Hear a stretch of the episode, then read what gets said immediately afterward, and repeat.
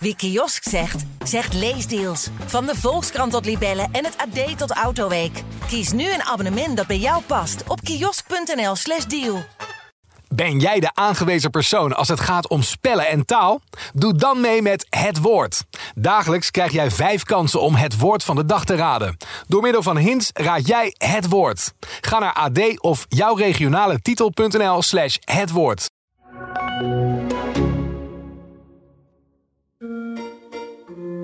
Nederland. Het land van de klompen, kaas en tulpen. Van de wiet, de ecstasy en de rosse buurten. Van de ANWB-koppels die op fietsvakantie gaan en om half zes hun AVG'tje wegwerken.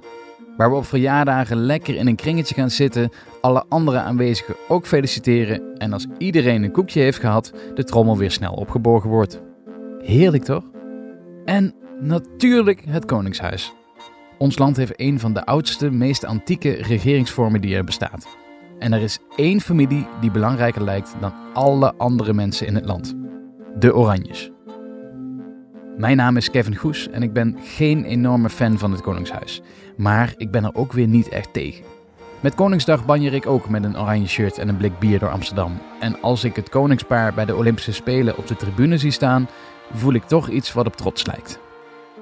Maar als de koning weer eens in opspraak komt, zoals met een lekkere coronavakantie in Griekenland, Amalia die een feestje houdt met meer mensen dan eigenlijk de afspraak was, of als er een heel stuk bos wordt afgesloten om te kunnen jagen, dan zakt mijn broek echt af.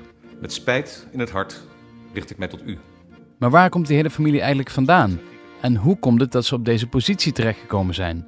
En wat zien we van de eerdere generaties Oranjes terug in het huidige Koningshuis? Samen met Koningshuisverslaggever Jeroen Smalen van het AD duik ik in de geschiedenis van onze royals. In de podcast Van Oranje, van Willem tot Amalia. In ieder seizoen staat een vorst of een andere belangrijke figuur uit die familie centraal. En, geloof me, daar horen een hoop sappige verhalen bij. In deze eerste vier afleveringen nemen we de persoon door waar het allemaal mee begon. De vader des vaderlands, Willem van Oranje.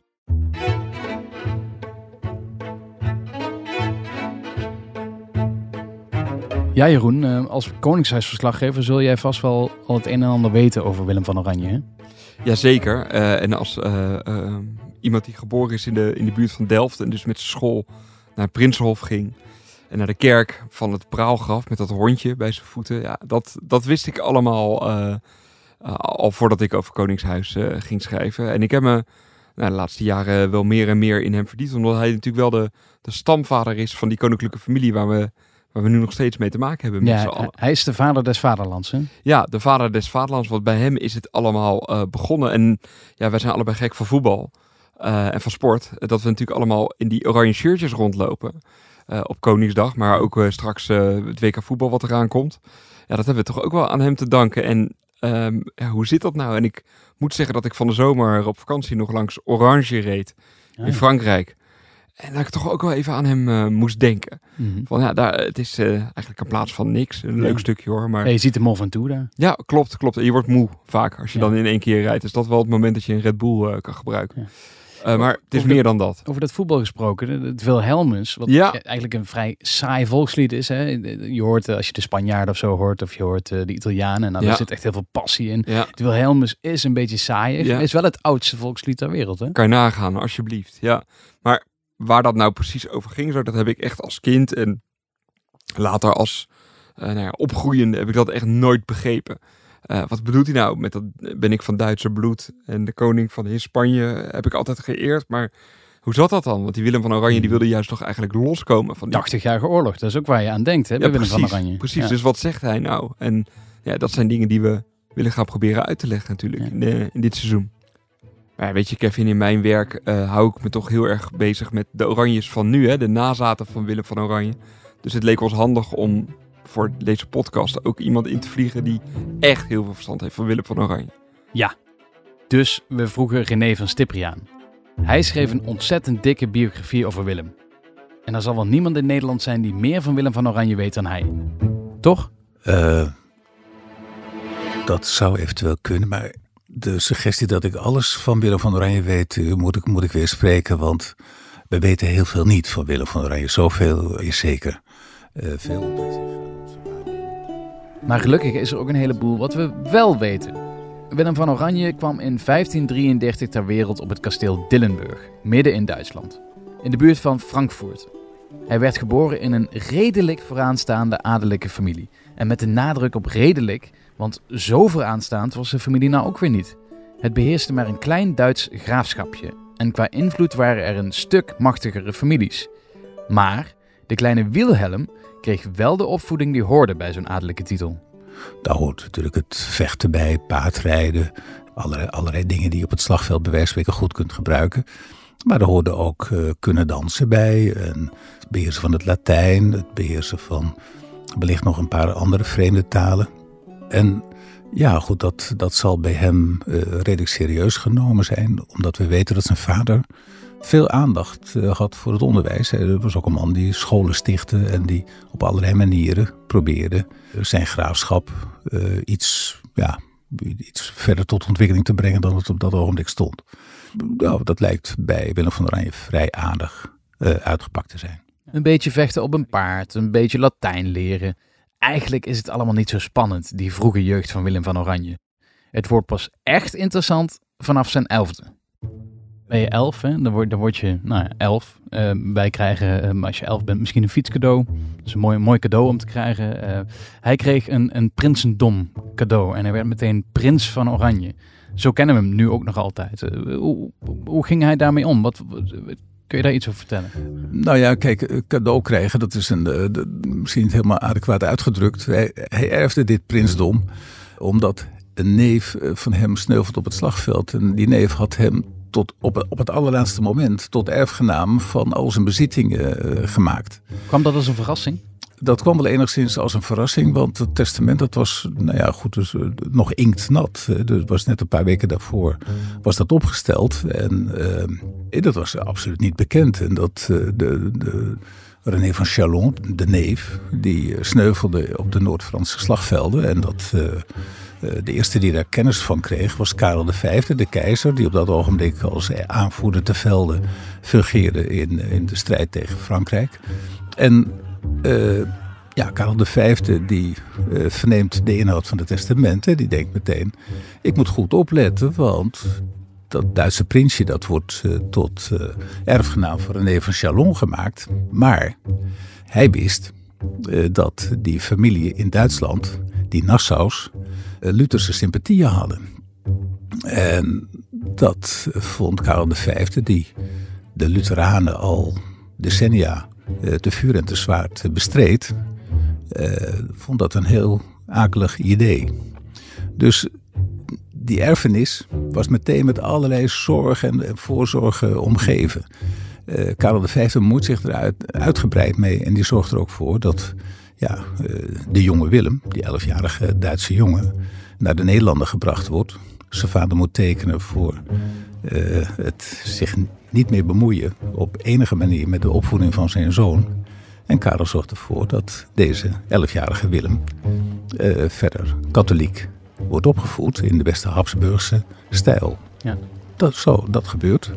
En we kennen in de jaren daarop Willem als uh, een heel gehoorzame katholieke jongen.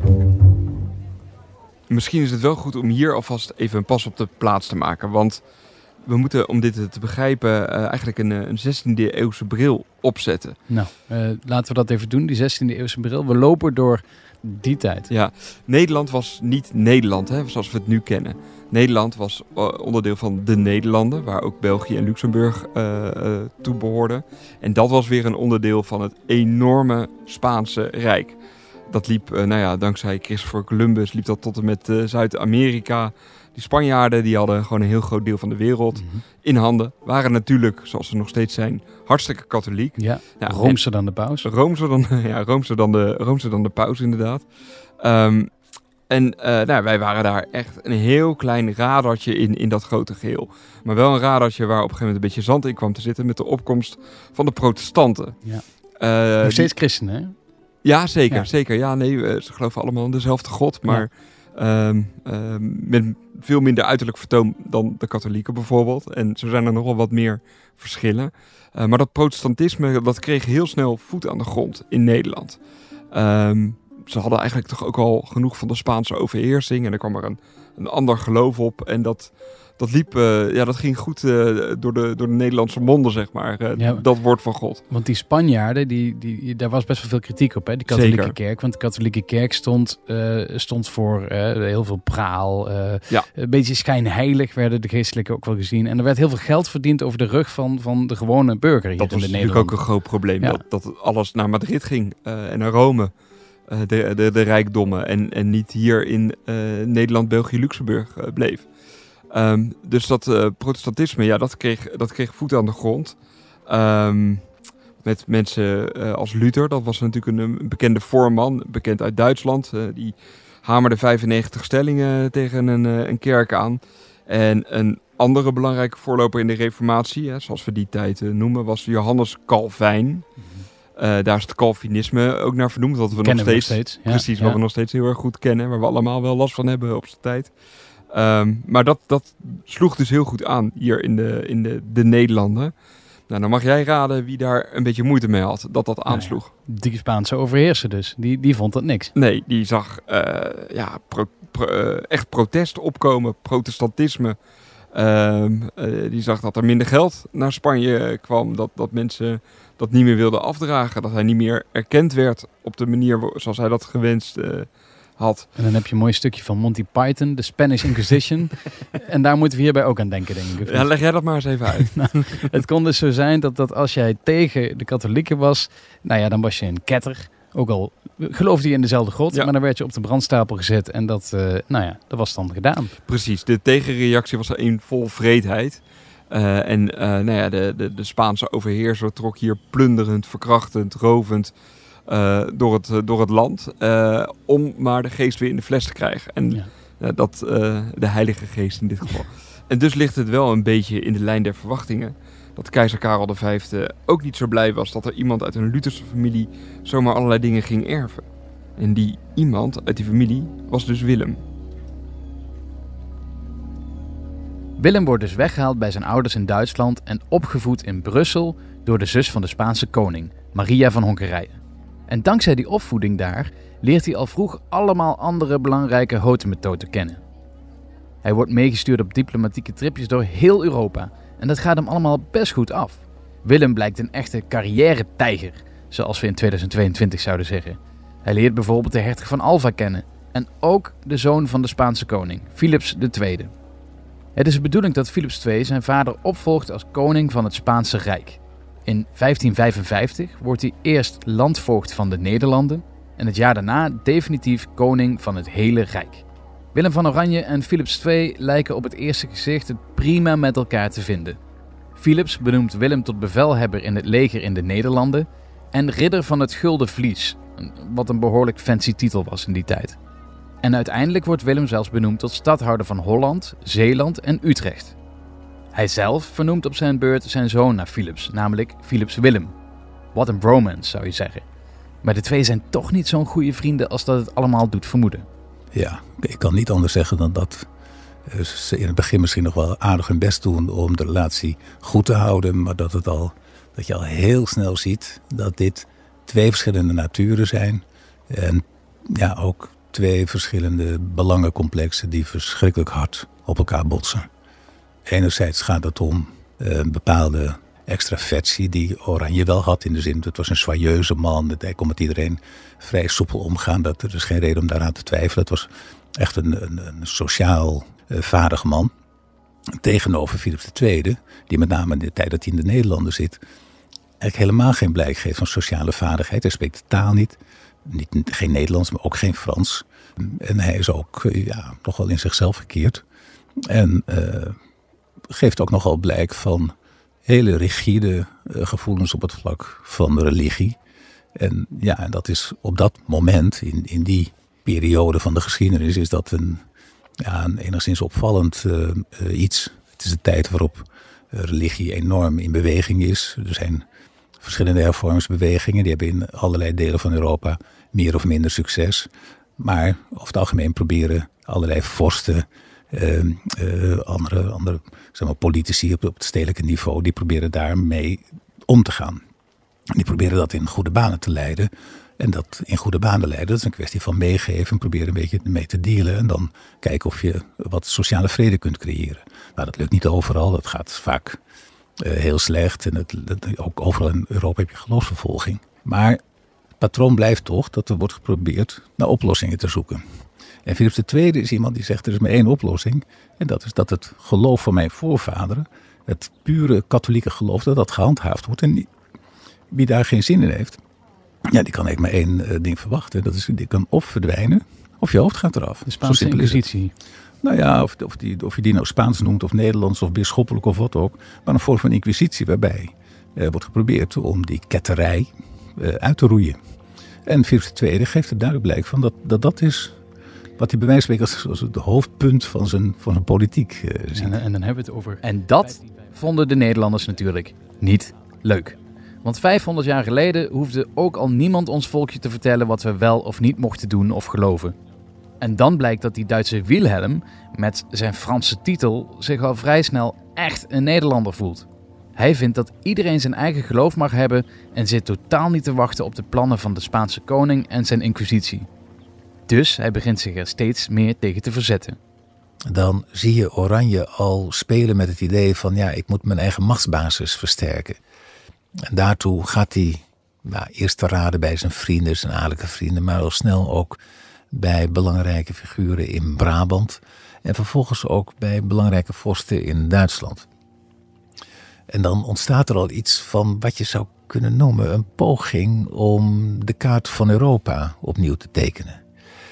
Nou, dat kun je wel denken, maar hebben ze op dat ogenblik, of je kunt het wel willen, maar je kunt, uh, je kunt het ook niet loszien van het feit dat Willem van der Rijn op dat ogenblik, ja, hij is, hij is gewoon werknemer van de landsheer. Hij is stadhouder van Holland, uh, Zeeland en Utrecht en hij heeft gewoon te doen wat in het belang van de landsheer is. Wat hij intussen doet is helemaal niet te opereren in het belang van de landsheer, maar hij is eigenlijk bezig om een nieuw staatje te creëren in de regio Brabant, Lotharingen en Luxemburg. En nou ja, kijk, dat, objectief gesproken past daar maar één, uh, één oordeel over. En dat dit is landverraad. Ja.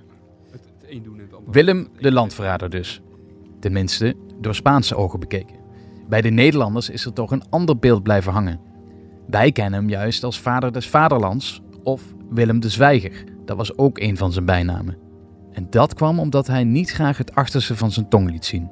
Wat bij hem heel sterk speelde, was dat hij in zijn leven een heel duidelijke neiging heeft om zijn innerlijke gevoelens te maskeren. En zijn innerlijke overtuiging eh, schuil te laten gaan achter allerlei mooie woorden, soms ook gewoon aperte leugens. En dat hij dat ook doet om bepaalde doelen te bereiken. Dat is ook waar hij zijn bijnaam de zwijger aan te danken mhm. heeft. iemand die voortdurend zijn bedoelingen verzwijgt. Eigenlijk uh, achter een façade laat schuilgaan. Maar ondanks dat hij zich niet openlijk uitspreekt, groeit Willem wel uit tot een van de voornaamste verzetshelden. Misschien wel het boegbeeld van het verzet tegen de Spaanse koning Philips II. Van Oranje, ja, het had ook zomaar iemand anders kunnen zijn, of niet? Die, die zeg maar uh, de, de, de, de grote man werd uh, in dit verhaal. Of was het voorbestemd dat, dat, dat hij het zou zijn? Dat hij zeg maar de, de grote opstanden zou gaan leiden. Dat hij degene werd die het gezicht werd van deze tijd. Ja, dit, dit, dit is een speculatieve vraag en het is heel moeilijk om daar een heel sluitend eh, antwoord op te geven. Probeer je een beetje te prikkelen. Ja, nee, dat, dat klopt. Kijk, en dan moet het antwoord zijn eh, dat, uh, en, en, daar ben ik toch wel van overtuigd geraakt toen ik, toen ik ermee bezig was, dat zo iemand als Willem van Oranje, en dan kun je hem vergelijken met, met uh, iemand als George Washington of Abraham Lincoln of Lenin of zo, iemand staat maar eens in de zoveel tijd op. Uh, Lamoraal van Egmond of Hendrik van Brederode of wie ook, had dit niet voor elkaar gekregen, had het niet op deze manier kunnen doen. Uh, dit zo, uh, enerzijds zo behendig met de omstandigheden omgaan, anderzijds zoveel visie op, de, op de grotere context van de situatie hebben en dan ook nog dat enorme doorzettingsvermogen. In die combinatie uh, is, hij, is hij absoluut historisch, uh, vind ik. En dan verband dat hij bijna. Hey Kevin, uh, ben je nu al wat wijzer geworden over die hele Willem van Oranje? Nou ja, zeker. Ehm, daarom hadden we René ook uitgenodigd. Maar ik denk dat. eh, ik heb nu een kant gezien van Willem van Oranje. die, die ook vooral vanwege zichzelf eigenlijk in opstand kwam tegen eh, de koning van Spanje. En, en we zien hem nu als de vader des vaderlands. En iemand die, ehm, ja, die alles voor het volk deed. Maar het begon natuurlijk eigenlijk allemaal bij zichzelf. En dat, eh, dat is interessant. Ja, dat is interessant. En is dat ook het idee wat je tot nu toe eh, van, van hem hebt? Dat het vooral uit zichzelf komt, die, die noodzaak om in opstand te komen? Ja, maar ook omdat hij nou eenmaal degene was die er was. Eh, dat, is heel, het klinkt misschien heel raar, maar op- zonder hem was het waarschijnlijk helemaal niet zo gebeurd. En dat, dat gevoel krijg ik wel van deze aflevering. Ik ben wel benieuwd hoe dat, eh, hoe dat verder gaat. Hè? Eh, want we weten dat zijn rol in de 80-jarige oorlog groot is. Maar ja, dat, daar komen we op terug. Eén leuk ding trouwens, want je zei op het begin van de aflevering zei je dat jij langs Orange gereden was met het hele gezin. Dan ben jij dichter in de buurt geweest bij dat eh vorstendom dan dat Willem van Oranje er ooit zelf is geweest. Dit is echt een pubquiz dingetje dit, want Willem van Oranje heeft dus nooit zijn eigen geërfde vorstendom gezien. Dat is echt ongelooflijk. Ik denk dat ik volgend jaar weer die kant op rijd. Dan eh, kan ik dit aan mijn gezin eh, vertellen. En ben je er nog een keer vaker geweest. Zo is dat. Dit was Van Oranje, van Willem tot Amalia. Ik ben Kevin Goes en ik maakte deze podcast met Jeroen Smalen, Koningshuisverslaggever van het AD. Montage en sounddesign zijn gedaan door Daan Hofstee. Abonneer je alvast even voor de volgende aflevering via je Favo podcast app. En als je nog meer podcasts van het AD wil luisteren, ga dan vooral naar ad.nl